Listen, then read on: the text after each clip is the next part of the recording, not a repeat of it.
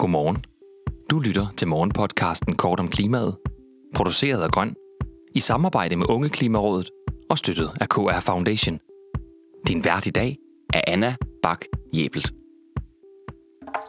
Godmorgen. Det er i dag fredag den 7. oktober, og medierne flyder over med valgnyheder. Men vi prøver at manøvrere os udenom valgflæsket og gå til dagens tre vigtigste klimanyheder.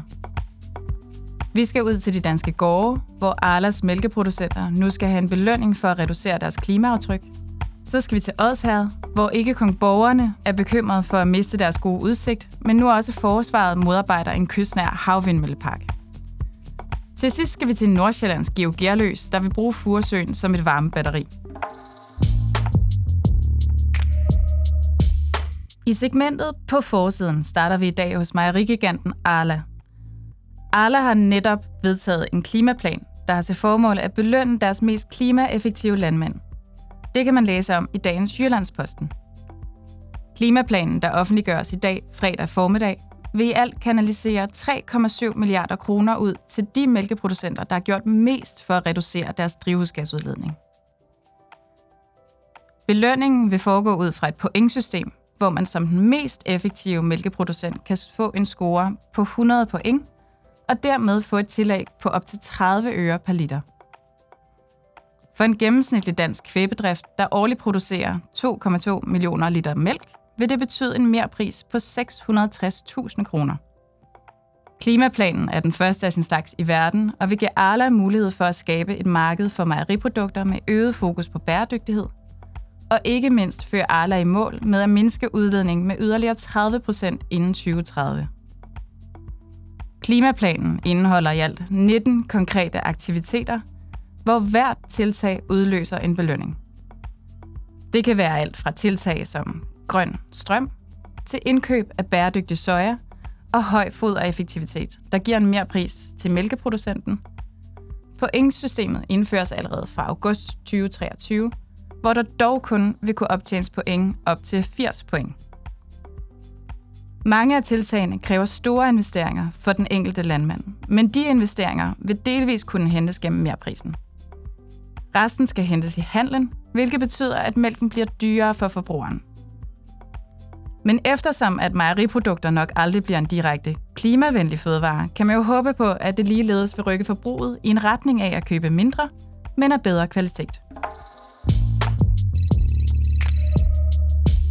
I segmentet under radaren skal vi en tur til Klintebjerg ved Odsherred, hvor det sjællandske energiselskab Andels havvindmølleplaner lige nu bliver skudt ned af forsvaret.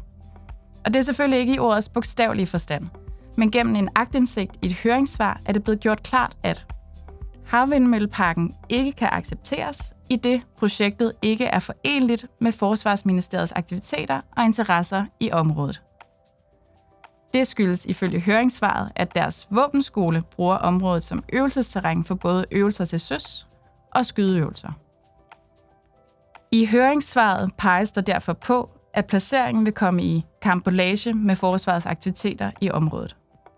Andel har før holdt borgermøder om vindmølleparken, da de har oplevet kritiske røster fra lokalbefolkningen, der ikke vil have vindmøller i deres egen baghave, men havde næppe forudset, at Not in my backyard-modstanden ville komme fra staten selv i form af Forsvarsministeriet.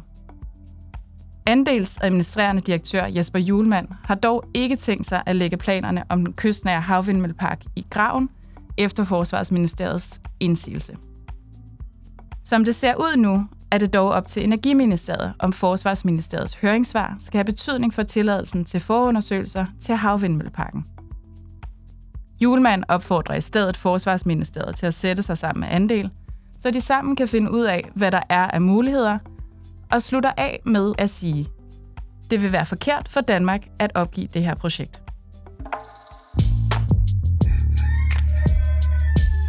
Dagens solstrålehistorie kommer fra vandkanten af Furesøen, hvor ingeniøren Henrik Lynghus vil benytte sig af Furesøens overskudsvarme og sende den ud i fjernvarmenettet.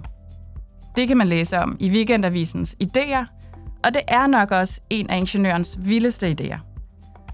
Men på trods af dens geogerløsagtige karakter, har den fået medvind blandt både lokalpolitikere, Vestforbrændingen og Naturstyrelsen. Ideen er ikke ny.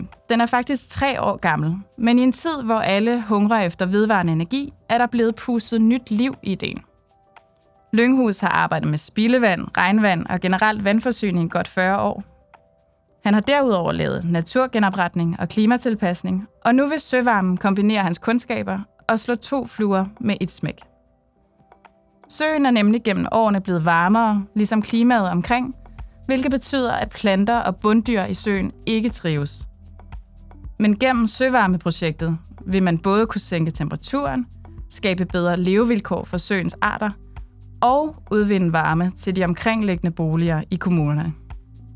De sidste 10 år er søtemperaturen steget med 4 grader, og Lynghus lægger op til at bruge særligt overfladevandet som varmebatteri, pumpe det gennem varmepumpeanlæg, og dermed sænke temperaturen med i alt 1 grad. Der er nu nedsat en arbejdsgruppe fra de omkringliggende tre kommuners tekniske afdelinger og Naturstyrelsen, der sammen skal kigge nærmere på søvarmeprojektet.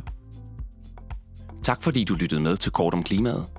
Vi har alle ugens hverdag udsendelsen klar kl. 8. Hvis du vil høre den med det samme, så gå direkte ind på vores feed på kortomklimaet.dk.